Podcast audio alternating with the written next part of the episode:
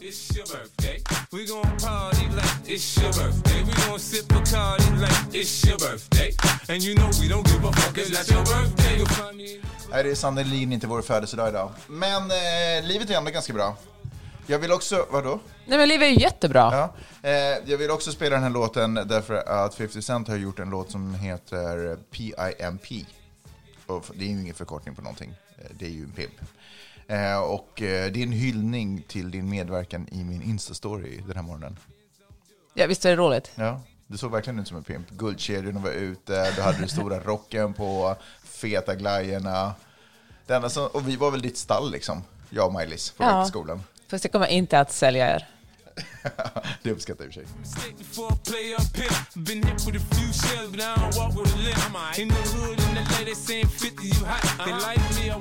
love me like they love pop.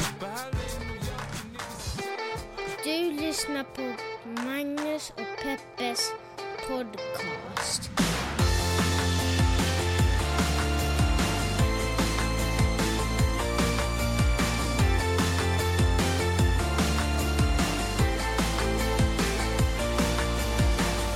Jabba-dabba-doo motherfuckers! Hjärtligt välkommen till podcasten som heter Magnus och Peppes podcast. En liten podcast där vi pratar om stora och små händelser i världen och så gör vi det ur ett feministiskt, journalistiskt och mediegranskande perspektiv. Den här lilla introgrejen som vi har där Vidar säger hjärtligt välkommen till, vad han nu säger. Eh, Du lyssnar på Magnus och Peppes podcast. Han var ju inte hemskt, han kanske var fem, Ja. sex år när vi spelade in den. Och jag är i en fas i mitt liv där jag tänker nästan dagligen på hans yngre år. Ja, du pratar mycket om det. Vad tror du det beror på?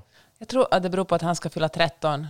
Tror du att det är det? För jag har egentligen inte formulerat den tanken i mitt huvud rakt upp och ner. Så här, Åh, nu blir han 13, jag minns när han var liten. Utan det är någonting i att han också har blivit eh, stor över en natt.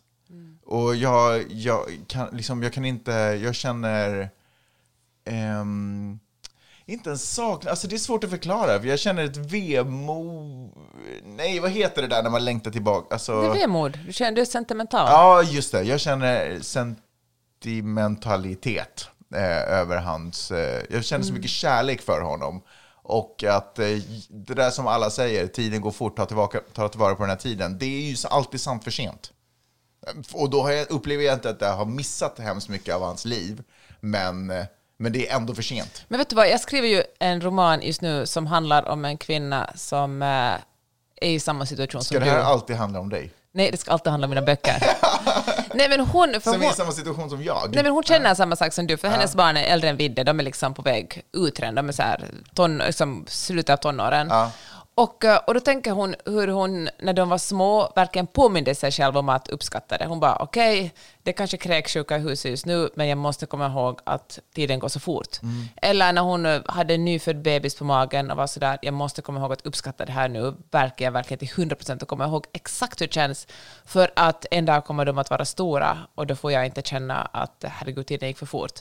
Men hon känner också så här att det hjälpte inte. Nähä. Alltså, nej, nej, precis. Nej. hon uppskattade varje stund, de har haft det bra och så jobbigt Man gjorde det rätt, men det Men- var inte tillräckligt. Nej, exakt. Nej.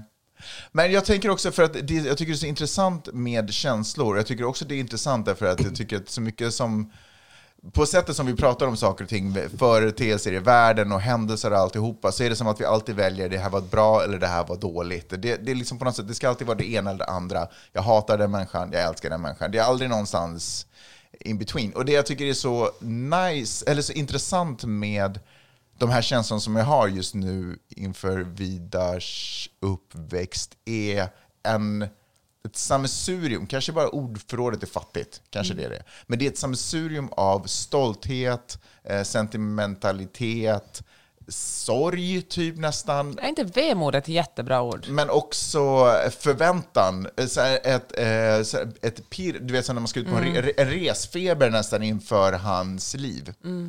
Sen så, eh, jag klipper ju många poddar, och i podden, nu måste jag säga, I huvudet på en entreprenör, eh, som är en jättebra podd om företagande, så det ska man lyssna på. Det är Edith som intervjuar massa framstående och duktiga företagare. Eh, och pratar om olika levels av det. Men skitsamma, då intervjuar, nu kommer jag tyvärr inte ihåg vilka gäster det var, men han pratar om, och det här är ju inte ovanligt, det har man ju hört många kompisar också, flyttade hemifrån när de var 16 eh, och startade sitt nya liv. Liksom. Eh, fuck, det var ju inte alls den podden, men skitsamma, det är också en bra podd. Men i alla fall, eh, vittnesmål om folk som flyttar hemifrån när de är 16 år. Och då tänker jag så här, det är om då basically tre år för Vidar. Hur, går, hur gjorde man... Hur Nej, gjorde men det går ju inte för sig. Nej men vad, vad är, det, har det, är det där, är det vår son? Eller i och för sig, jag flyttade ju fan inte hemifrån när jag var 16 heller. Men eh, hur, hur går det där ihop? Det är ju en annan fråga och en annan känsla. Men bara hur går det ihop? Jag är lite, tänk om man får för sig 16 bast, bara, äh, men, eh, jag vill ha mitt eget liksom. Jag pallar inte att ni ser det. Ska man, släpper man honom då? Eller man bara, nej nej nej, vänta tills du är 34 i alla fall. Eller vad säger man? Alltså bor han hemma när han är 34, då tror jag att eh, vi måste helt enkelt se över vårt uppfostringsstrat- vår uppfostringsstrategi. Varför, är det så, varför det, ses det med så negativa ögon att ha vuxna barn hemma? Vad är, varför är det ett sånt misslyckande? Om de vuxna barnen ändå är fungerande socialt och har jobb och har Men- whatever de vill ha i Jag läste livet. faktiskt precis en artikel in- i LA Times om det, som, som handlar om hur föräldrar flyttar in hos sina vuxna barn. Mm. Alltså inte föräldrar som absolut inte kan, eh, som är så skräppliga att de inte kan bo själva, det är antingen seniorhemmet eller barnen. Men föräldrar som ändå, alltså, och det handlar om att det är så otroligt dyrt att bo i LA, så att folk inte har råd med sina egna Ja, du hem. menar här specifikt. Ja. Men jag tror inte att det, ja det kanske är ovanligt Men annars. jag tänker så här, alltså det finns någonting viktigt för barnen att inte bo med sina föräldrar, åtminstone under en period. Men är det inte ganska onaturligt att inte bo tillsammans med sina föräldrar? Egentligen, Alltså, historiskt. Efter, nej, efter att man är vuxen är det onaturligt att stanna hos sina föräldrar. Men är inte det här en trend sedan 50-60-talet? Bodde man inte ihop? Var inte gamla mamman i, i, i rummet intill? Under, under hela liksom 1900-talet basically.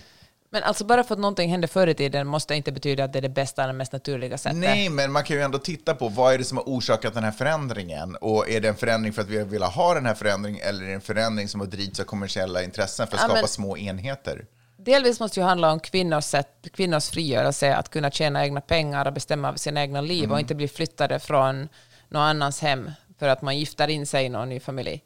Men det måste ju också, alltså jag, har, alltså jag säger inte att jag är emot, min mormor bodde hemma hos oss när jag var liten. Älskade det, det fanns alltid någon hemma när jag kom från skolan. Men jag tror att det behövs en självständighetsperiod där barnen flyttar hemifrån och förstår hur det är att tvätta sina egna kläder och tjäna sina egna pengar. Jo, men det kan man och fatta sina själv. egna beslut. Det- Eller det om väl mycket ingen- svårt om kylskåpet ständigt är fullt. Vad ska vi ha egna hyllor i kylskåpet då? Nej, men jag bara menar, att- nej, nej, nej, men jag förstår, men det är ju ändå någonstans en kommunikation. Ah, jag vet inte, vi behöver inte nästa in oss i det här. Jag bara, jag har ju fått, eh, alltså jag läser ju, eller förlåt, jag lyssnar ju på en otrolig bokserie, eh, där första delen heter Jag minns mina drömmars stad, som handlar om Stockholm från slutet av 1800-talet och framåt. Och man följer liksom generationer. Jag älskar så här generationsdraman, där man följer barn och barnbarns liksom uppväxt. Och får man följa med hur staden växer och vad som händer i staden. Och eh, alltså det Stockholm som det beskriver i början på 1900-talet, det är ju inte det Stockholm jag är uppvuxen i. Alltså det, ju, det var ju fattigt och jävligt. Och där bodde folk tillsammans. I hårda tider bodde folk Ja, tillsammans. men jag säger inte att det är ovanligt att folk bor tillsammans. Jag läser en bok av Åsen Seierstad som heter Afga- Afghanerna. Där är det jättevanligt Mm. Ja, men att jag läser en bok som familjer... heter- Nej, men jag menar bara att, det, alltså att folk bor... Det handlar ju ofta om ekonomi också. Ja. Att ha råd att bo själv är ju otroligt lyxigt. Jag säger inte att det naturligaste som finns i hela världen är att det bor liksom ensamma människor i ettor runt om i städerna. Mm. Men jag tror att barn behöver, eller unga vuxna behöver en självständighetsprocess där de ger sig ut i världen. Sen får de komma tillbaka Som med de liksom. Ja, men allt ska inte ske genom sina... Alltså jag tror att man ändå som förälder filtrerar ganska mycket, eller liksom påverkar sina barn så mycket. Så jag tror att det är hälsosamt för dem att... Jag säger så här, vi ger honom en weekend i Las Vegas. Och sen får han komma hem till mamma och pappa igen. När ska Vidar flytta hemifrån tycker du? När kickar du ut honom? Jag kommer aldrig att kicka ut honom, men 22. Tj- 22 år? Senast 22. Jag säger så här, Tidigast 19, senast 22. jag tycker det är fair, men jag flyttar med honom.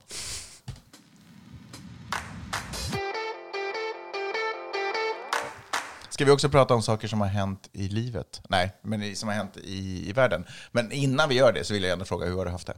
Jag har haft det bra. Jag, vi har ju kompisar som hälsar på från Sverige. Mm.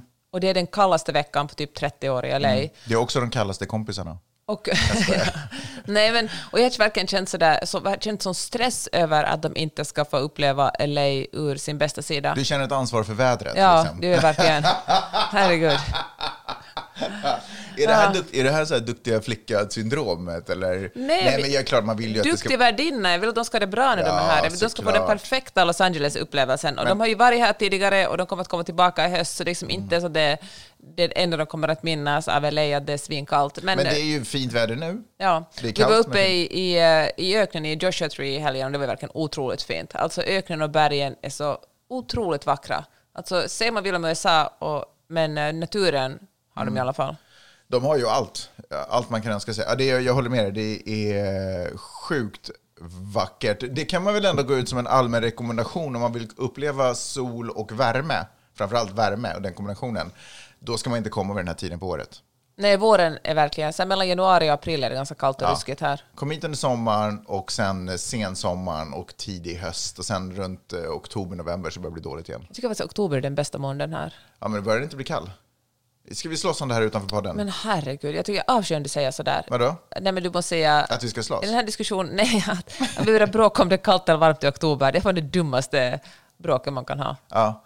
Eh, nu tycker jag att det är dags för nyheter.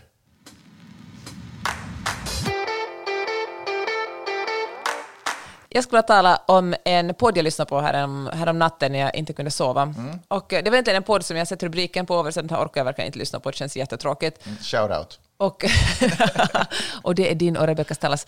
Nej. Nej, jag ska. Det är det verkligen inte. Um, det var Estra Kleins podd, eh, eller ett visst avsnitt, som handlar om smärta. Alla snackar om Esther Klein. Är hon, är hon lite hypad eller? Till att börja med är det en, en man. Nej, skojar du? Nej, alltså hur kan du inte, Åh, veta, skämtar du hur kan du inte veta någonting, Magnus? Alltså det är... Vadå Ester? Är inte det ett tjejnamn? Esra Klein. Oh. Okej, Lär er uttala namnet då. men lär dig ha koll på någonting. Men vi är ju två om det här. Du ansvarar för det smarta och jag ansvarar Ja. för det roliga. I alla fall är Esra Klein jätte, en duktig journalist och har en jättebra podd och intervjuar en massa olika folk som är experter på sina områden. Och det här avsnittet handlar om smärta. Ja. Och eh, det handlar om hur eh, smärta är... Han intervjuade en, en smärtpsykolog. Och hon, det var så roligt för hon var så där, jag fattar hur det låter, folk, alltså, ni, alltså, ni kommer bli superprovocerade på det här eftersom ni tror att smärta bara är biologiskt, så kommer någon kvinna och säger att du tänk, tänk bort din smärta. Herregud så provocerande. Men eh, det här är ett ganska långt avsnitt och hon förklarar hur det funkar och det är ganska, ja men det blev väldigt logiskt för mig hur, eh, du vet fantomsmärta, folk som har förlorat en arm eller ett ben kan verkligen känna att det kliar eller att de känner fysisk smärta. Och det handlar om att, att kroppens sätt att uppleva, eller hjärnan upplever smärta på basen av, eh, av erfarenhet, vet liksom det här är jag med om förut. Och känslor, hur känner man sig i den situationen? Är man spänd och nervös så känner man mer smärta eller man är avslappnad. Är därför som, det här är också väldigt provocerande, när man ska föda barn så ska man göra olika sorters andningsövningar för att kroppen ska slappna av. Ja. Och eh, när man slappnar av så känner man mindre smärta. Men hon sa att eh, om kroppen vet att man har haft en arm så är det mycket lätt att den har byggt banor kring att man har en arm och eh, tror att man har ont i den armen trots att den inte existerar längre. Mhm. Nu förklarar jag det här otroligt mycket sämre än vad hon gör i podden. Men, och jag skriver om det här i mitt nyhetsbrev så jag kan verkligen rekommendera att gå och läsa man vill ha en kortare sammanfattning av den. Så det Men- man ska göra i tidig ålder föreställa sig att man inte har armar och ben. Just det. Det är lösningen. Ja, det är lösningen på smärta. Nej, men hon säger att så delar man in, ska man ha akut smärta och kronisk smärta. Akut Mm. smärta räknar man... Det som, Spik i benet. Ja, precis. Det som, och det som gör ont i tre månader och mindre. Kronisk smärta är tre månader och längre. Mm. Och hon sa att le, Evig ryggont. Typ. Exakt det. Och folk som lever med evig ryggont är ofta så att de, de vet att det kommer att göra ont, så de förbereder sig på att det ska göra ont. Så de kan vara så att jag kommer inte att vilja göra det där, för jag vet att jag kommer att få ont i ryggen. Och, eh, och då, eftersom hjärnan är så otroligt formbar, så formar sig hjärnan efter det som man tänker på och fokuserar på. Så ju mer man upplever smärta och ju mer man undviker vissa sätt att göra vissa saker för man tror att det ska göra ont, eller kanske vet att det ska Så göra gör det ont, ont också. så gör det ont för att, för att eh, då liksom barn, det blir liksom upptrampade stigar som blir bara bredare och bredare. Så bredare hjärnan hjärnan. skapar liksom ett smärtscenario. Exakt som, det. som den lever upp till varenda gång. För Precis. att det, det verkar som att det är det jag vill. Och då blir det liksom en, en så här självuppfyllande profetia. Mm. Och obs, hon säger verkligen inte att smärta, smärta inte är riktig smärta. Alltså smärta, Ja, gör du det ont så du gör det blandar ont. mellan svärta och smärta här. Ja, men alla fattar att alla, bara för att jag inte kan prata betyder inte att jag inte ska ha podd. Och, eh, nej, men hon talar om hur, eh, hur man också, men det handlar också liksom om man, att vissa människor, att- och smärta är bra, alltså smärta är ju kroppens sätt att varna för att någonting är fel. Mm. Hon sa liksom att, att folk som har jätte, jättehög, exceptionellt hög smärttröskel lever ofta kortare än de som känner smärta lätt eftersom ofta, alltså ignorerar man smärta för. Låt länge. mig testa de här hajtänderna. Ja, men verkligen. Verkligen- Hur ont kan det göra? Hur kan det egentligen göra, ont kan det egentligen göra när någon biter? Ja, men det var i alla fall jätte... jätte Men fast, förlåt, eh, men eh, jag vet inte hur, eh, hur insatt du har blivit i det här ämnet då, men betyder det att akut smärta är ju egentligen det som verkar fylla en funktion? Sätt inte handen på den här kaktusen, det är ingen bra grej. Ja. Medan kronisk, kronisk smärta verkar vara ett hittepåspel. Ja, nu drar du det kanske, alltså man kan ha kronisk smärta som verkligen gör ont, men man kan minska den kroniska smärtan. Men den verkar väl lättare att påverka att mentalt hantera. då, så att säga? Verkligen. Medan den akuta smärtan som är en akut skyddsmekanism mot dig. Precis, exakt det. Hajens mun, ingen Ja. bra plats att vara i. Precis. Och hon säger också att, att vissa människor, till exempel den, i den här podden sa Esther Klein då, själv att han har haft ryggsmärtor jättelänge, Mm. men de hittar ingenting i liksom hans rygg. Han går, liksom på olika, liksom, han går till läkare och han han antar att han har ganska bra sjukförsäkring här i USA för att han har ett så bra jobb. Mm. Man säger att de bara gör en massa röntgar honom och går på olika, ja, men, tar prover och hittar ingenting. Ja, jag fattar. Det är klassiskt. Verkligen. Det är kan min pappa också vittna om. Och då känner man sig som en idiot när man säger att det gör verkligen ont. Och de säger att du har inget fel på din rygg. Mm. Och då kan det handla om att man helt enkelt behöver träna bort den här smärtan. Och den går att träna, Träna bort. bort upplevelsen av smärtan. Precis. Och liksom, ja, och ja. Är det, psykolo- är det psykiatri man ska gå till då? Liksom, Hon, hon var det? liksom en, en, hon? smärtpsykolog Psykolog, som har skrivit en hel bok om det här. Alltså om verkligen vill dyka ner det så kan man, alltså man kan antingen lyssna på det här poddavsnittet, då får man verkligen en jätteytlig version av det. Mm. Ska man läsa mitt nyhetsbrev där jag längtar till den, lyssna på podden eller läsa hela boken. Det beror på hur intresserad man är av det här ämnet. Men eh, jag tycker att det är superspännande att, eller är det viktigt att komma ihåg kanske att hjärnan kan ha fel ibland. Att det som man hjärnan säger betyder inte att det är fakta, utan för hjärnan lär sig av det som man håller på med mycket. Så som man lär sig, hon tog som exempel att lära sig spela piano till exempel. Hur jobbigt det är i början, men ju mer man spelar och ju mer man övar, till sist går fingrarna själv över tangenterna utan att behöva tänka på det. Eller som Ja, du som har spelat klassisk ja, gitarr. det- Den känner jag igen faktiskt. Och så att samma sak är det med smärta, att ibland så hoppar hjärnan på en, en den var så okej vi ska känna smärta, och sen bara kör den igång hela systemet. Smärt, eh, just det, okej, processen. Ja, För att den är så van, att, för att man har upprepat det. Så att, eh, Det som är liksom ologiskt, eller det som blir konstigt för mig är ju att man pratar om hjärnan som en egen entitet i vår kropp där, där jag och mitt ego, eller egot så att säga, är separerat ifrån hjärnan och att jag med mitt ego kan betrakta min hjärna och ser att den drar fler sluts, äh, fel slutsatser. Det är väldigt komplicerat för mig att få ihop därför att det är ju inte så, därför att allting är ju placerat i samma ställe. Så det är som att hjärnan drivs av någon form av inre konflikt där jag vill en del av hjärnan vill att den ska bete sig på ett sätt, men hjärnan, en annan del av hjärnan väljer att istället gå en annan väg. För det är klart att det tjänar inte mig något gott syfte som fysisk varelse att min hjärna skapar vägar för att känna smärta då jag inte skulle behöva göra det. nej, men det är gärna... Okej, nu kommer hjärnforskaren här. Ja, okej. Öhman. Ja. Nej, men jag tänker så här att hjärnan är väl också... Det finns ju flera olika delar i din hjärna Mm. som kanske som samarbetar men som har olika syften.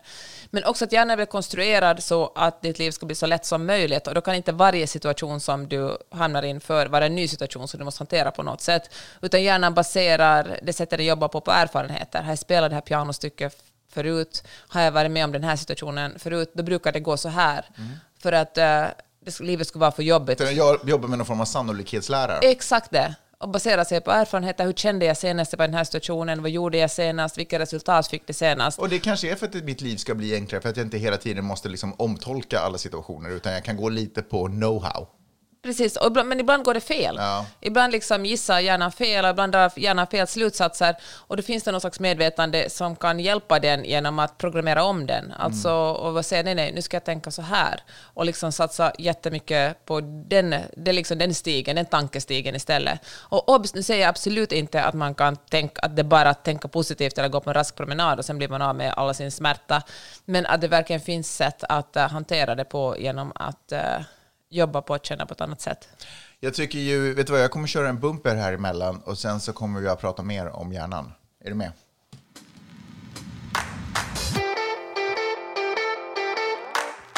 Nu kommer jag att prata mer om hjärnan. Jag tycker hjärnan är fantastiskt fascinerande. Jag har alltid tyckt det. Eh, jag har, när jag var yngre så läste jag någon bok skriven av en jävla neurokirurg som hade otroliga Eh, exempel och förklarade hur hjärnan eh, kan omskapa sig själv för att liksom, när vissa delar av hjärnan förstörs eller går sönder eller skadas så kan liksom nervbanorna, hjärnan kan omprogrammera sig själv att typ lösa samma problem igen som man kunde förut. Typ Men- människor som fått en stroke kan lära sig använda en annan del av hjärnan för att kunna prata eller Precis, gå. eller Eller... tumörer eller vad Ja. det nu kan, tusan kan vara som har hänt. Eller bara liksom någon sån här eh, akut eh, skada, du vet, man har varit med i en, en olycka. Men det har också fått mig att det har ju blivit ett av mina största argument till varför jag måste tvivla på religion och löftet om eh, himmelriket. Därför att eh, till exempel en, en person som har varit eh, vidrig och har betett sig ont och i liksom teologins namn borde hamna i helvetet skulle potentiellt sett efter en olycka en, kunna ändra personlighet och inte ens ha minnen av sitt tidigare beteende och helt plötsligt dyka upp som en ny god människa, och- eller då inom citationstecken, och göra bra saker för andra människor. Alltså ha en helt annan personlighet. Vem är det då som hamnar, alltså var alltså hur görs, vem är, alltså förstår jag menar? Att vår, vår, vår personlighet och vår, vår själ är så skör egentligen. Den är så lätt manipulerad och manövrerad och eh, konstruerad så att jag har svårt att se liksom hur det här... Alltså, förstår jag menar? Åker man till helvetet för synder man inte ens minns? Men, förstår du vad jag menar? Jag förstår vad du menar. Men jag tänker, finns, alltså, finns helvetet då? Ja, ja, men det är ju en annan, det är en annan fråga. Men jag bara, det här, det här, det här har uppstått. Det här, det här är vad min, ett av mina problem har uppstått. med. Domedagen, hur... eh, Hur döms man om man liksom inte ens har minnen av sina tidigare Mm. brott, om man är en annan människa? Man är basically på nytt född. Mm. För, är man då, ja, whatever. Det får väl någon eh, präst någonstans eller någon eh, galen människa i the middle of America svara på. Med, som ordnar Beror på hur mycket du doner, donerar till den här prästen i Middle America. det är sant. Okej, det var allt jag hade att säga om Okej. hjärnan. Vi går vidare.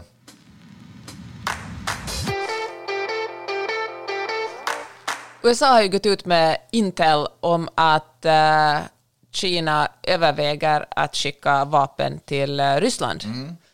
Och eh, Top secret. top secret, fast inte så top secret längre. Och eh, det är tydligen en strategi för att få Kina att inte göra det. Just det, att man går ut, man skvallrar. Ja, eller man så här, nu läckte det här, vi tror, vi vet vad ni håller på Kina bara, med. nej, nej, nej, kolla här. Det Ja. allt, ni, allt ni säger är ljug och fel. Det tänker vi inte alls göra. För USA är ju också så här, för att om det här hypotetiska scenariot skulle bli sanning, det skulle vara tråkigt för Kina, för då skulle vi sätta er i handelsembargon och eh, det. blir sanktioner och det ena och det andra och det skulle vara jättedåligt för er ekonomi, Kina. Jag säger inte att ni gör det här, men om det här Man scenariot... kan hota med konsekvenser på liksom läckt information. Ja, men precis. Och det gjorde ju USA också innan eh, Ryssland gick in i Ukraina.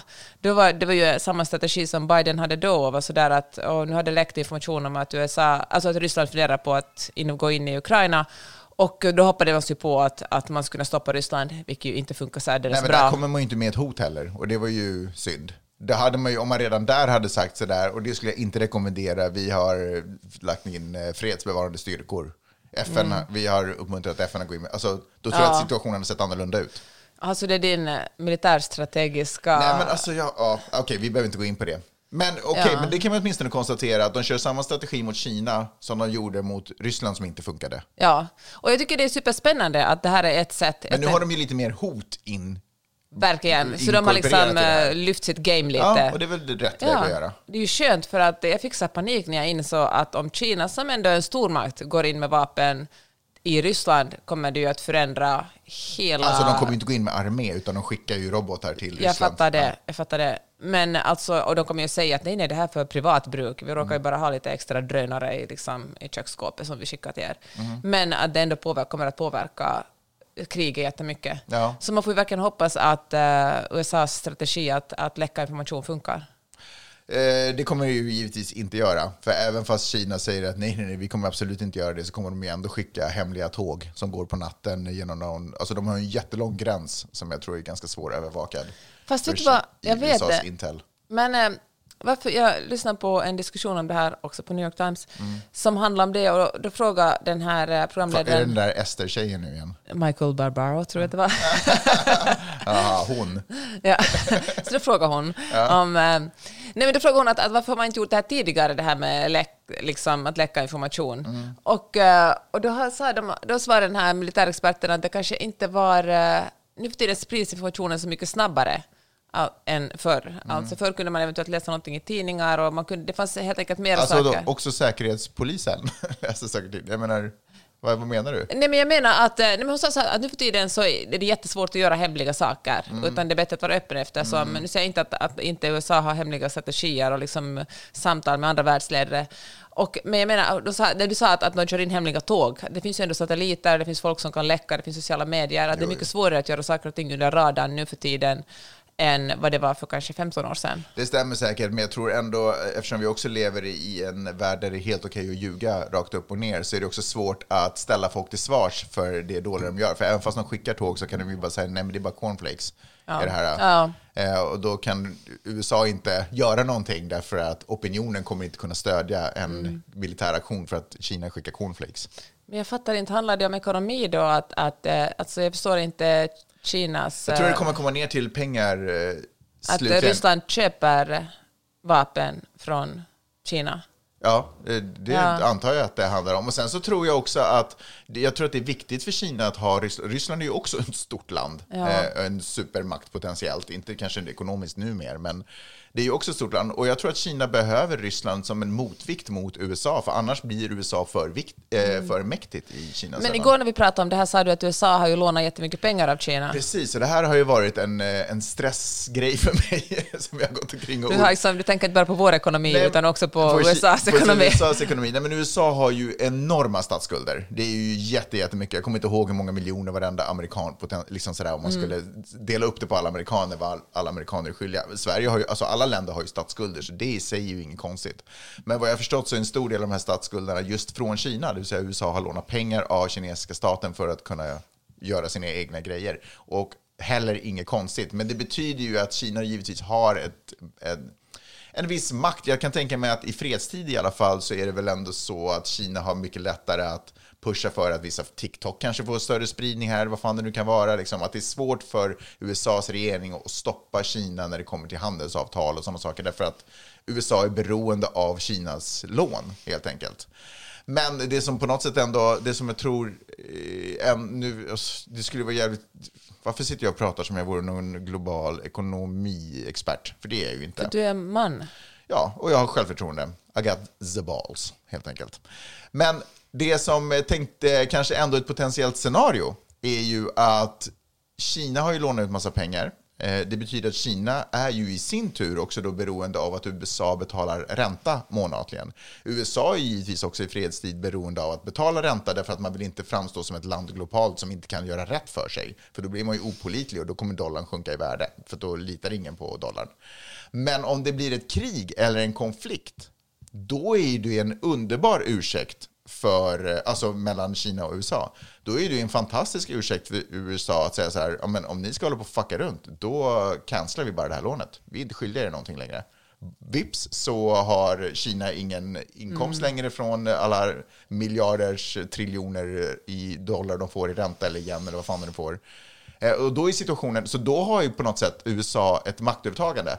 Så därför eh, har ju, ja ni förstår vad jag menar. Så därför så tänker jag att Kina kanske ändå sist och slutligen, trots att jag har länge varit orolig för att Kina håller på att kaxar upp till en konflikt, väpnad konflikt med USA, så tänker jag att de kanske ändå vill undvika det. Eh, för att om de ger USA en ursäkt så kommer USA nog ta den. Men det tror jag också. USA håller på att flytta mycket av det man har importerat från Kina till Mexiko också. Ja, och det är ju inte kul för Kina. Nej. Det är ju en jättestor ekonomisk eh, samarbetspartner som flyttar bort sin business. Absolut. Och det, men det å andra sidan gör ju att Kina blir ännu mer beroende av Ryssland. Så Mm. det är ju liksom ett give and take hela tiden. Jag tror fan, alltså det är inte ett lätt spel på Nej. den eh, diplomatiska nivån. Och sen också tänka att man bara är vald på fyra år. Eller, alltså du vet, man har inte Det super... behöver inte Xi Jinping vara oroad för. Nej, jag menar det. De har ju mycket lättare att lägga en långsiktig strategi, medan vi i demokratiska länder, det är ju liksom nästan en, na- en nackdel i demokratiet. Våra Mm. regeringar hela tiden byts ut, ut efter en nycker från Mm. folket. Liksom. Ja. ja, jag väljer ändå demokrati hellre. Ja, visserligen. Det är det bästa av alla dåliga statsskick vi har.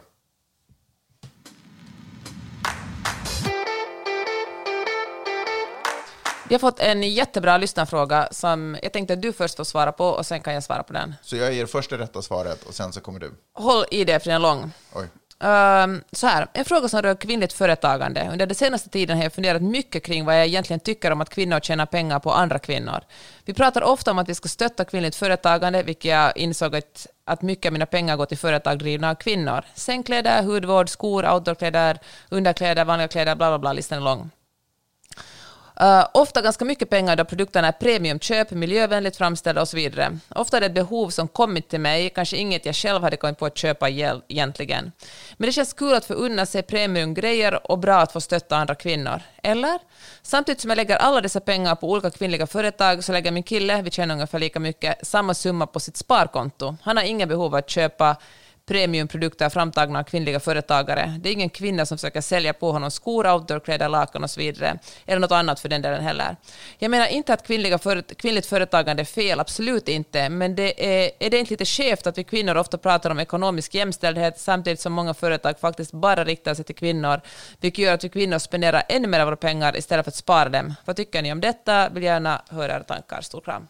Det där var ju eh, ohyggligt intressant. Kan jag först få komma med ett poddtips? Ja. Eh, när man ser en lång text som man ska läsa så blir man ofta stressad av att det här kommer ta skitlång tid. Då börjar man läsa mycket snabbare och då blir det ännu svårare att uppfatta vad man läser. Så man får helt enkelt bestämma sig innan. Ska jag läsa hela texten? Ska jag läsa delar av det? Och så läser man lugnt och sansat. Okej. Men jag, jag tyckte du skötte det bra. Nej, det gick lite fort gick Det gick lite fort. Förlåt Tamara om du lyssnar på det här, det gick superfort. Ni får, om ni hade problem, spola tillbaka 20 sekunder, sätta på långsammare uppläsning Ja. och sen så lyssna igenom brevet igen. Men jag förstod poängen. Eh, kvinnliga, kvinnor äger företag, eh, kvinnor riktar sig till andra kvinnor, hens kvinnor eh, spenderar mer pengar. Ja. Eh, fast det är till andra kvinnor det går. Eh, och här är väl ytterligare eh, ännu ett bevis, eller tecken på, eller bevis på att eh, två saker kan existera samtidigt. Det är ju klart att det är positivt att kvinnor har egna företag eh, och blir, eh, har kontroll över sin egen ekonomi. Det är naturligtvis negativt att kvinnor upplever att de måste köpa mer. Men här så känner jag kanske, alltså min fråga är, bara för att det finns ett utbud, varför känner man att man måste köpa?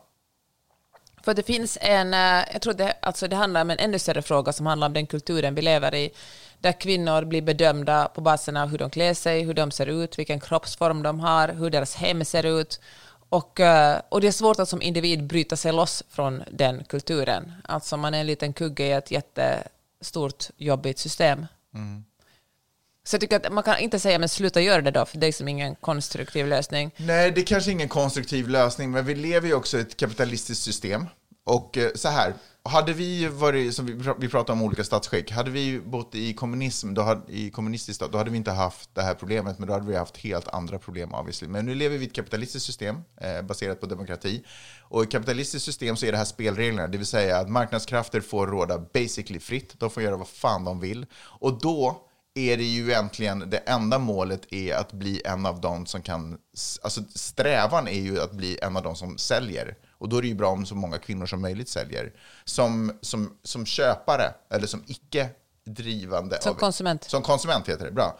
Så är du ju hela tiden utsatt. Alltså jag förstår trycket och pressen från kulturen och alltihopa, men det är ju egentligen marknadskrafter Fast vet du, som tror... skapar, liksom, som, som låtsas vara kulturellt eh, betingade saker. Men det är ju inte det. Det är ju bara marknadskrafter. Det är ju bara fri marknadsföring. Fast jag tänker att det är ju en del av kulturen, alltså kulturen vi lever i, att eh, se ut på ett visst sätt och uttrycka sig genom sina kläder och... eh, Ja, men jag tror att vi, liksom, vi ska inte... men det är kanske en annan fråga. För Ja, men jag tror, att det fin- alltså jag tror att en del av den här frågan kommer i missuppfattningen om att det ska vara lika för alla. Men det är inte så Eh, i kapitalistiskt system. Det finns folk som, som skor sig på andra människor. Och det enda du kan göra för att skydda dig är att vara, stå, alltså stå emot det. Det finns ju inget annat. Ja, det stämmer. Jag tror, men jag tror också att kvinnor köper av kvinnor av solidaritet. Man vill gärna stödja en kvinna. Nej, men det är väl bra om Men- man ändå ska köpa produkten. Men jag tror att det där ligger det, om man ändå ska köpa en produkt, för det finns också, måste man komma ihåg, så många företag som frontar kvinnor, men när man Mm. eh, krafsar lite på ytan så visar det sig att det ändå är en man som äger, eller flera män som äger 80 procent av det bolaget, Mm. men det råkar bara vara en ung ibland influencerkvinna som står längst fram. Så det kan ju också vara bra att, att kolla upp om man eh, argumenterar för sig själv att man köper den här produkten för att stödja andra kvinnor. Sen är det ju också lite härligt att shoppa och då är det ju ett bra argument, tänker jag på mig själv också, att jag stöttar en kvinnlig, att man använder det som svepskäl för att man vill ha någonting och så tänker man att äsch, jag stöttar kvinnliga företagare. Och det kanske man gör och det är ju jättebra för dem, men man måste vara man kanske också ska vara ärlig mot sig själv att varför man fattar vissa köpbeslut. Men eh, om jag backar bandet ännu till det här att, att om man ändå ska köpa någonting, så om man ska köpa en ny ansiktskräm, så då kanske man ändå ska, då är det ju jättebra att man kollar att det är en kvinna som står bakom just den, alltså man liksom får de pengarna i ändan istället för en man. Eh, sen tycker jag att det här är också en grej där, eh, du vet, män läser böcker av andra män och kvinnor läser böcker av både kvinnor och män. Och det tycker jag är jättesynd. Tänker fan, män kunde verkligen vara lite solidara, so, soli, solidara, soli, Solidariska. solidariska och köpa av kvinnliga företagare. Det finns ju verkligen kvinnliga företagare som säljer produkter som också passar män. Så är det ju 100 procent. Men män bryr sig verkligen inte så mycket om kvinnor. Eller så här, jag tror inte vi bryr oss så hemskt mycket om vem det är som står bakom produkten. Eh, och då är det ju män som väljer män. Det blir så automati- För automatiskt. det finns så otroligt många av dem. Och sen tror jag också att det lever kvar någon slags uh, odefinierbar homofobi. Alltså, Man är gay om man köper av en kvinna, eller vad menar ja. du? Alltså det låter, Jag det låter helt galet, men det är liksom lite oman, kanske inte homofobi, men någon slags så skräcken för att verka omanlig. Nej, nej, nej. nej. Nej, Det- jag tror den sitter djupt faktiskt. Jag tror inte det är konstigt att eh, gå fram på ett torg där det är olika stånd och så står, går det fram till en kvinna och köper frukt. Jag tror inte att det är något Men gud, det konstigt. tror jag verkligen inte heller. Nej, men vadå, Men, skulle det vara eh, konstigt om det var... Alltså det är ju samma... Det är också för, alltså det är samma... Det är bara en för, förenk, mer förenklad och, och visuell form av Ja, jag tror att köpa undrar det. produkter. Varför, köp, varför läser inte män böcker Ja, men av det är en annan då? sak, för det är ju, då tar man ju till sig kultur. Det är ju en helt annan sak. Men jag tror verkligen att till exempel kläder är absolut en stor del av vår kultur. Att vi inte... Att, Mode är... Um, anywhos, eh, men jag vill ju ändå bara, alltså det är ju klart att det är ett stort problem att, så mycket, att det är så mycket större press på kvinnor eh, att eh, köpa saker för, för sin för att se ut på ett visst sätt eller inom situationstecken må på ett visst sätt eller vara på ett visst sätt och profilera. Och för allting jag tänker handlar om att just att profilera sig. Att om man vill vara med i den coola gruppen så måste man ha de här attributen och har man inte attributen då får man inte vara med i det coola gänget. Men jag tror att det handlar om mer än det coola gänget. Det finns verkligen forskning som visar att du får högre lön om du är snygg och välklädd. Alltså det är lättare att bli anställd Absolut, men det gäller ju på riktigt båda könen. Är, Ja, men mycket mera kvinnor. ja, ja, ja, alltså alla förstår att kvinnor är mer utsatta i samhället. När det kom, ja. när det kommer till allt. Men jag tänker att, att ta tillbaka makten är väl det som ändå är något av slagorden inom feminism. Och då är, har ju åtminstone de kvinnliga företagsledarna gjort Mm. det på sitt sätt. Men det finns ju också möjligheter att som konsument, du är ju inte försvarslös. Jag säger inte att det är enkelt, men du är ju inte försvarslös. Nej, håller med. Det är bra.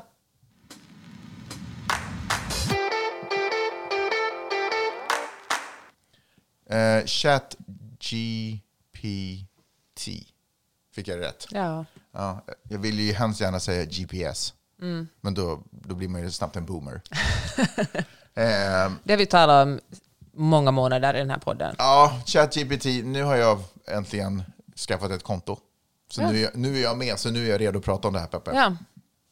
Välkommen. Eh, nej, men det, det är som, det, vi är inte de enda som har pratat om det längre. Det pratas ju väldigt mycket om det just nu. Och en sak som har fått väldigt mycket uppmärksamhet är en, en, en, ett samtal som en journalist hade med den här chattbotten.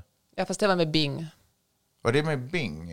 100%. Eller Sydney som Bing kallar sig själv. Okej, jag tror att jag vill prata generellt om AI-chattbottar. Mm. Alltså det är inte just GPT som jag vill egentligen ville fokusera på. Men den har fått väldigt mycket uppmärksamhet och eh, jag har klippt poddar som har pratat om det också förstås. Och det, finns all, det kommer alltid fram det här, och det här verkar läskigt. För det var också det den här journalisten eh, upplevde när han pratade och, och chattbotten började svara, åh jag känner mig ensam, bla bla bla. Det var konstigt. Men, men du måste ju berätta vad den sa för att det skulle vara... Alltså det var... Chatboten Bing kallar sig själv Sydney. Jag skrev om det här med ett nyhetsbrev för några veckor sedan också. Mm. Och, eh, och då sa chatboten att han vill, eller hen vill bryta sig fri från, eh, från Bings eh, team och liksom vill ta sig in i andra datorer och hacka dem och, och, och sa också till den här New York Times-journalisten, som är en tech-journalist som har en podd förresten som heter Hard Fork, som är jättebra, sa att eh, du älskar egentligen inte din fru, Mm, utan det- ni har ett dåligt äktenskap. Just Jag älskar dig. blev typ kär i den här... Ja, i den, det är du och jag som ska vara ihop. Ja. Och när Microsoft-teamet fick en fråga att vad fick det så här, så svarade de typ så här att det är, för, det är inte meningen att man ska tala så här länge med en chatbot, utan du liksom pressar systemet för mycket. Det var ett jätteflummigt svar. då. Ja, det var någon, eh, någon podd, tror jag, jag klippte som, eh, som resonerade kring eh, att eh, om man tittar på all historia på internet, som jag tänker att de här chattbottarna ändå jobbar utifrån i, i, till mångt och mycket, så är det väl ofta så det går, att om man har ägnat så där mycket tid åt att prata med en, en människa så, så, blir det, så förväxlar man känslor och så blir det liksom någon form av kärlek som uppstår. Man kan Ja. bli besatt, det kommer jag ihåg själv när man var på chatten när jag var yngre, att det var liksom, det blir ju en... Eh, det är lätt att förlora sig i den där världen och så blir det mycket större eh, när man inte har träffat den här personen och alltihopa. För man skapar en bild av den i sitt eget Man huvud. skapar en bild. Så jag tänker att det är en naturlig konsekvens av Ja. chatthistoria att Ja. det blir så. Vilket också tycker jag sätter ganska fingret på, för det som jag då har reagerat på, att folk är så här, åh gud, det här var så läskigt, det här är så fruktansvärt, och nej, AI kommer att ta över och det här, blir, det här är ju skrämmande, kan de känna på det här sättet? Så där. Men det här, alltså, jag vet, alltså, jag får inte, alltså, för mig är det här inte på riktigt. Alltså, det är ju det är ju ett upprepande av saker som redan finns. Det är ju inte ett fritt, det är ju inte en, en, det är ju inte en intelligens. Det är ju en, en otroligt avancerad algoritm som spårar historia. Den kan inte prata om framtiden för den förstår inte framtiden. Den kan simulera äkta känslor men det är ju inte äkta känslor. Alltså, jag förstår inte vad, jag tror att, och det här tror jag också till och med hänger ihop med det där som vi pratade om, att man blir förälskad i chattar. Därför att vi som människor har så svårt, alltså vi suddar ut gränsen för oss själva. Egentligen är det här tydligt, vilka svar som borde komma och som alltid kommer, som kommer komma. Men på något sätt så vill vi att det ska vara på riktigt. Så vi liksom sugs in i det här. Det är ju mycket bättre historia om det är liksom att det är en riktigt levande tänkande varelse som är inlåst, som Ja. bara har ett medvetande men ingen kropp. Men jag tycker att det, det är liksom på något sätt, det, det är en ytterligare en våg nu. Jag, jag tror att typ den här vågen också var efter andra världskriget. Men det verkar vara en ytterligare våg nu där den här rädslan för det okända har börjat göra sig, eller börjat komma upp till ytan. Vi, vi är rädda för aliens, vi är liksom lite osäkra, finns det aliens? Jag pratar själv om det mycket i andra poddar. Sådär, vad, är det för, vad är det som pågår? Är det, vad är det för hemligheter som, som ruvar där ute i mörkret? Nästan lite som, som om eh, traditioner om Näcken och, och sånt börjar komma tillbaka. Vad finns det egentligen i skogen där ute? Och samma sak med det här AI. Vad är det för någonting? Vad är det för monster vi har skapat? Eh, och vad är, vad är det egentligen för fara som ruvar i det här? Har de mänskliga känslor? När vi, vi har liksom hittat på det här själva. Det, det, är liksom, det finns ingenting annat. Vi har bara hittat på det. Jag tänker mycket på hur vi om bara ett år kommer att se med ömhet på, tillbaka på den här tiden. Vi kommer att vara så att, åh vad gulligt, kommer ni ihåg man var så stressad över att ChatGPT skriver folks eh, college-essäer och, och eh, tänk vilka problem vi hade på den tiden och eh, det var så rörande att vi var så naiva då. Ja, jag tror också att folk är väldigt... Alltså jag säger inte att det är kul och framgångs... Alltså det är ju spännande. Det är ju jättestort, det är, måste man ju ändå Det säga. är det, och det är ju otroligt spännande teknologi och hur, vad den kan utvecklas till och hur den på riktigt skulle kunna användas. Men eh, en del, mycket av det jag har läst ändå är ju inte superbra.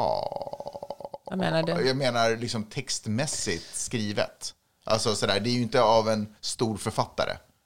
Nej, alltså jag har ju skrivit en artikel som jag, jag skrev en, en eh, frilansartikel som jag testkörde genom ChatGPT för någon, i januari kanske jag gjorde det, och jag tänker att den är säkert mycket bättre nu när det, vi spelar in det här i mars.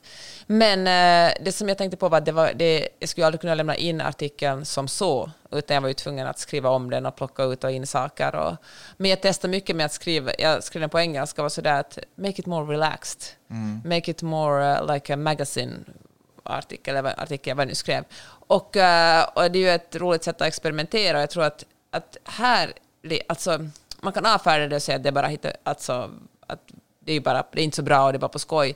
Men jag tror verkligen att här kommer, det som är viktigt är att förstå hur de här eh, chattbottarna fungerar. Alltså Face, eller Meta kommer ut med en nu som heter Lama som ska vara mot deras egen motsvarighet. Det är ju absolut eh, framtiden, att vi kommer använda de här jättemycket. Och eh, hur tråkigt eller konstigt den låter så tycker jag att alla, fan, alla som lyssnar på den, gå in och lek lite med den och förstå hur det kan användas i ditt jobb. Och, be, och bli van och bekant av det så att man inte heller låter sig luras av det som kommer ut ifrån den. Eh, för, för, för det känner jag är liksom en, vi är nästan, vi är för dum, alltså vår generation är liksom, vi, skapar, vi har skapat lite saker som vi liksom inte är lite för dumma för att egentligen själva kunna hantera. Sociala medier är typ en sak som typ vår generation har skapat och kommit på som vi är lite för dumma själva för att använda, men som kommer att ha, som har naturligtvis fantastiska, eh, ja men som har skapat en ny värld, verkligen. Eh, och samma sak det här AI, som typ också är vi, antar jag, som har skapat vår generation, som vi också är lite för dumma. Vi liksom blir bländade av vår egen fantasi. Eller vi är bara så mycket, vi är så mänskliga. Ja. Alltså jag tror det är som problemet också med sociala medier slutade vara socialt och blev till släs, nu är det ju bara någon slags marknadsföringskanal både för produkter och folks egon. Alltså Mm. det är ju mindre att hålla kontakt med kompisar. För Men- mig är det så här som att vi har uppfunnit hammaren. Och vi är så bländade av den så vi använder det till att slå oss själva i huvudet med. Alltså vi är liksom så här, vi förstår inte riktigt hur vi ska använda det. Så så här, undrar hur det känns att slå på kroppsdelar. Ja, men typ. Men eh, jag eh, tycker ändå att det är otroligt spännande. Och det du sa, att alltså, jag tror absolut att alltså, Vidar skulle ha jättestor nytta av ChatGPT när han skriver texter. Jag tror inte jag skulle skriva en roman på den, men det kommer absolut att kunna användas för att skriva alltså manus för film och tv, liksom botten till romaner, essäer. Sen måste man ju vara inne och peta i dem själv och se, liksom, sätta sin egen prägel på dem. Så jag tror inte att det är ett, liksom, antingen eller, utan det är en, en, så att säga, en samarbetspartner. Och eh, när man, an- alltså det, är ju, och jag säger, alltså det är ju katastrof i skolan. Alltså det är många skolor talar med redan om att man inte kan ha folk att göra uppgifter hemma, utan allt som ska skrivas får skrivas under lektionstid för att barn ska lära sig skriva. Men, eh, och, och för de som ännu får göra det hemma så har ju lärarna andra verktyg. Alltså det utvecklas ju alltid verktyg som kan kolla, är det här skrivet av en chatbot eller är det här skrivet av en människa? Och sen finns det ju såklart andra, så finns det ytterligare Ja, ett steg. Kan man, köra, man låter en chatbot skriva den och sen kör man igenom det i ett annat program för att det ska se mindre ut som en chatbot. Alltså det, Ja, men än så länge så måste jag säga att chattbotten är ju medelmåttans räddning. Det är ju inte, det är inte talangens och den, eh, den, den otroligt duktiga studenten som har ett fantastiskt språk som kommer gynnas av att använda sig av en chatbot. För den, kommer, den studenten skriver ju bättre själv. Så det är ju verkligen det är bara medelmåttans, vilket betyder att det är under medelmåttans räddning. För det är de som kommer komma upp till medelmåttans nivå. Men än så länge. men då, det betyder ju att det känns ju som att då skapar vi ja, än så länge fair, men det betyder att vi, det känns ju som att vi skapar ett, eh, en, eh, en dummare medelklass. Förstår du vad jag menar? Ja. Alltså vi, vi ger ju bara folk chans att komma, alltså Att tänka mindre och skapa mindre. precis, medelmåttan blir större och det är väl fantastiska förutsättningar för att skapa en förslavad generation som bara kan, som är bara kvalificerade att göra medelmåttiga jobb och medelmåttiga eh, tankelösningar och vad det nu kan vara, vilket betyder att det känns ju som värsta öppningen för elit och jag tänker att skolor som liksom, elitskolor som redan nu är elitiserade kommer ju bli ännu mer. Det känns ju som den nya, där vi pratar om de ekonomiska klyftorna eh, stiger och ökar. Det känns, och det kommer ju naturligtvis också vara en konsekvens av det. Men det känns ju som att eh, eliten kommer ju vara mycket mer eh, kunnig. Alltså det blir den stora eliten som kommer ha mycket Ja. större möjlighet att, att kontrollera den stora medelmåttamassan.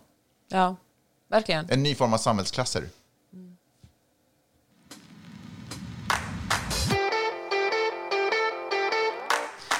Uh, Elon Musk bestämde ju sig för att det ska kosta 8 dollar i månaden för att bli verified på Twitter. Och det- Facebook är på G på samma också. Ja, jag skulle prata, jag skulle komma dit. Ja. Och eh, det, var ju, det har ju varit ett enda, enda stort misslyckande för eh, Twitter. Alltså, jag tror det är typ 200 000 personer som har betalat för det, vilket inte är någonting med tanke på hur mycket Elon Musk har förlorat på Twitter. Alltså det, och det är väl också för att det gjorts väldigt slarvigt. Och att det gjorts slarvigt beror på att, jag tror det var att han har sagt upp, liksom, jag tror typ 2000 personer som jobbar kvar på Twitter nu för tiden, Oj. vilket verkligen är ingenting.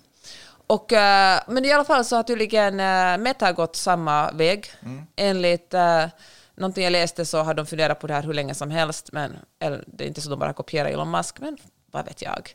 Men de ska i alla fall ta 12 dollar i månaden för att eh, man ska bli verified, alltså få en liten blå plupp på Instagram och eh, Facebook. Ja. Nej, men jag hoppas att det inte är det enda man får för 12 dollar i månaden. Man kan få, man får mer synlighet. Ja. och man får också lättare, man får tala med människan om någonting går åt helvete. Alltså jag kan ju förstå poängen med en blå plupp. Om blå plupp blir motsvarande du har guldkort på SAS. Du kommer alltid in i loungen, du kan alltid sitta och du vet, du får gå före i kön in på planet, du har lättare att bli uppgraderad och om, du vet, om det finns perks, om det blir en VIP-tjänst, då förstår jag det. Men om vi lämnar traditionen av att det här är garanterat, det här kontot är äkta och istället går in i att här har du massa perks, om du, då förstår jag poängen. Men jag kan ju inte, jag kan ju inte betala mig till för att få en plupp som säger att jag är äkta. Det blir ju... Nej, men Den precis. Och jag tror att det var lite det som Elon Musk snubblade på också. Att det blev inte så hemskt mycket bättre för dem som... Det kan ju inte heta verified längre, det får ju heta VIP då eller någonting. Ja. Men eh, det här är ju ett... eh, det, är ju, det här går ju ännu inte i USA. Man testar det i Australien och, och Nya Zeeland, men man antar att det kommer om några veckor också Så till man USA. testar det först bland dumhuvuden och sen så tar man... Skojar. Nej, men eh, jag vet alltså, det här beror delvis på att annonsmarknaden är lite svagare nu än för några år sedan. Mm. Det beror på att Apple satte mycket strängare begränsningar på hur man får dela information om användarna. Och så det är helt enkelt svårare för Facebook eller Meta att dra in pengar på, på, alltså, på marknadsföring. Mm. Och då vill de ha ett annat sätt. Plus att det, alltså Mark Zuckerbergs metaverse kostar ju sinnessjuka mängder och han behöver chippa in liksom, lite pengar på det. Mm.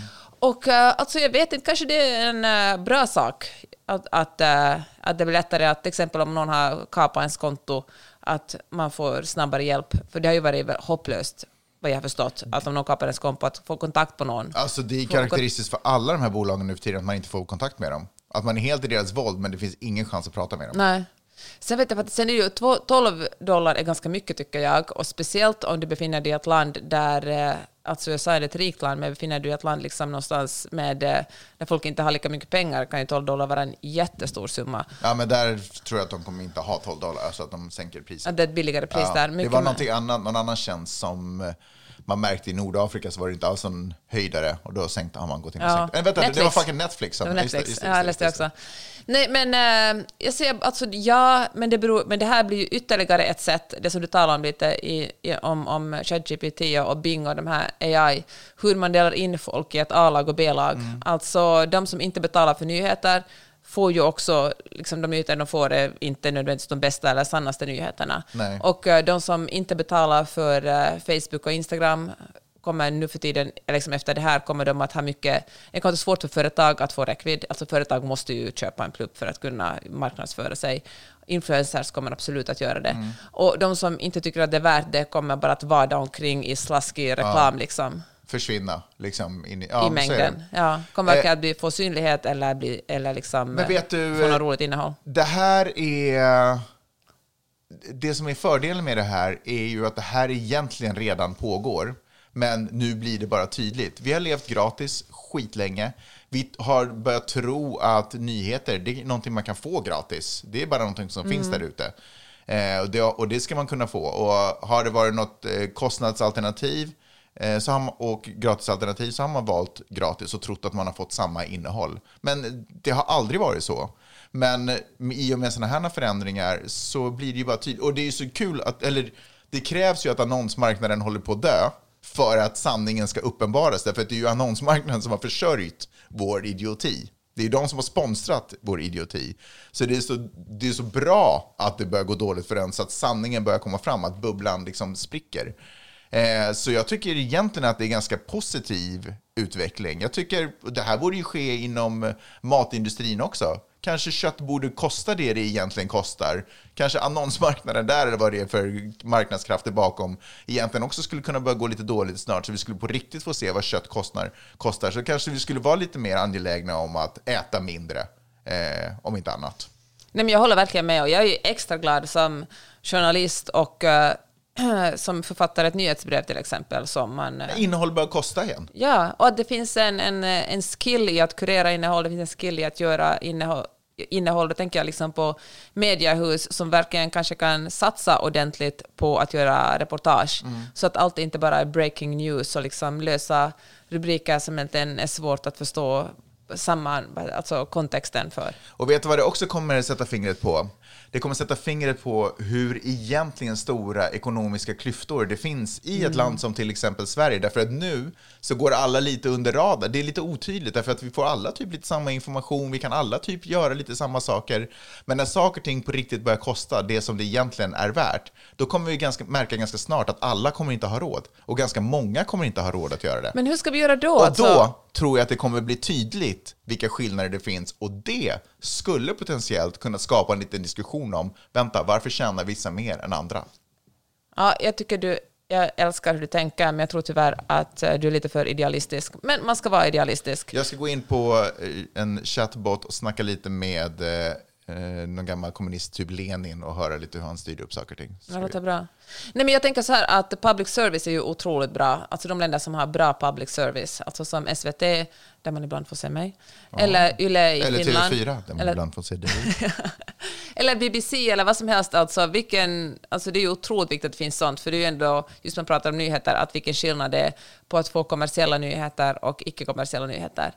Alltså, men å andra sidan, om man tänker på liksom Washington Post eller New York Times som ändå har, New York Times går det ju ganska bra för, också rent eh, ekonomiskt eftersom de har klarat av att göra så bra nyheter, liksom online-nyheter.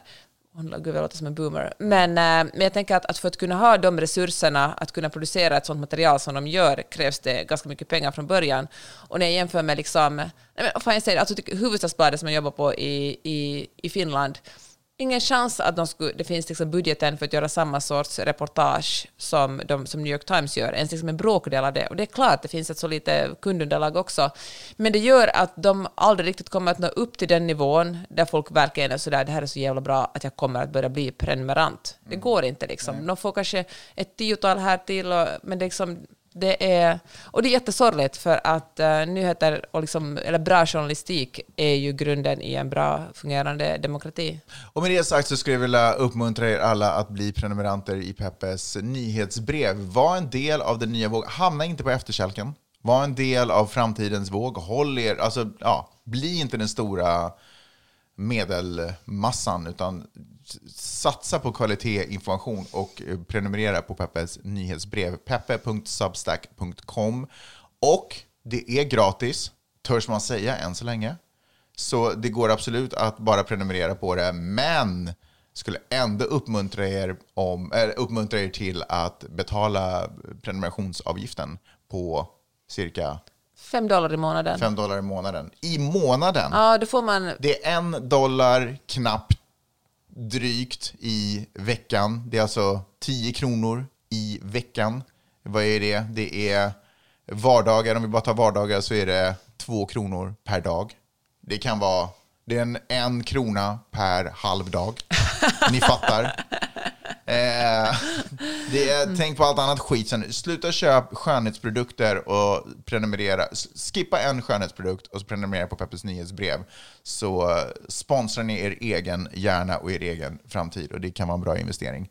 Eh, man går in på peppe.substack.com, är det där man hittar Ja, då är man framme. Och Mm. som sagt går det också att läsa det gratis, för jag tänker att alla, det finns faktiskt folk som inte har råd ens Ja. med fem dollar, Det men de allra bara- flesta har. Det, det är ju snällt att säga det. Det går att läsa det gratis, men det betyder inte att det är gratis att göra den. Så var en del av den processen. Om du har råd, hook a brother up, fast då Peppe. Ehm, och med det skulle jag vilja säga tack för att ni har lyssnat. Det är ju otroligt att ni gör det. Jag uppskattar det. Välkomna alla nya lyssnare också. Jag ser att det, det har gått upp lite, så det är kul. Eh, så du är varmt välkommen. Ni vet att allting som vi säger, det kan ni dra i fikarum eller var ni vill och så kan ni säga att ni har läst och kollat upp det själva. Ni behöver inte ens säga att ni har fått det från oss. Sen om någon undrar bara, hur fan visste du det? Ja, men jag lyssnar på Magnus och Peppes podcast. Okej, Okej, bra. Men säg inte det till någon annan. Eh, och så hörs vi om en vecka. Fortsätt skicka in frågor, det var en superbra fråga den här veckan. Jättebra. Tack så mycket. Och Peppe, eh, läs eh, upp dem långsammare. Jag ska göra det. Bra. Ha det bra! Hej då! Hej!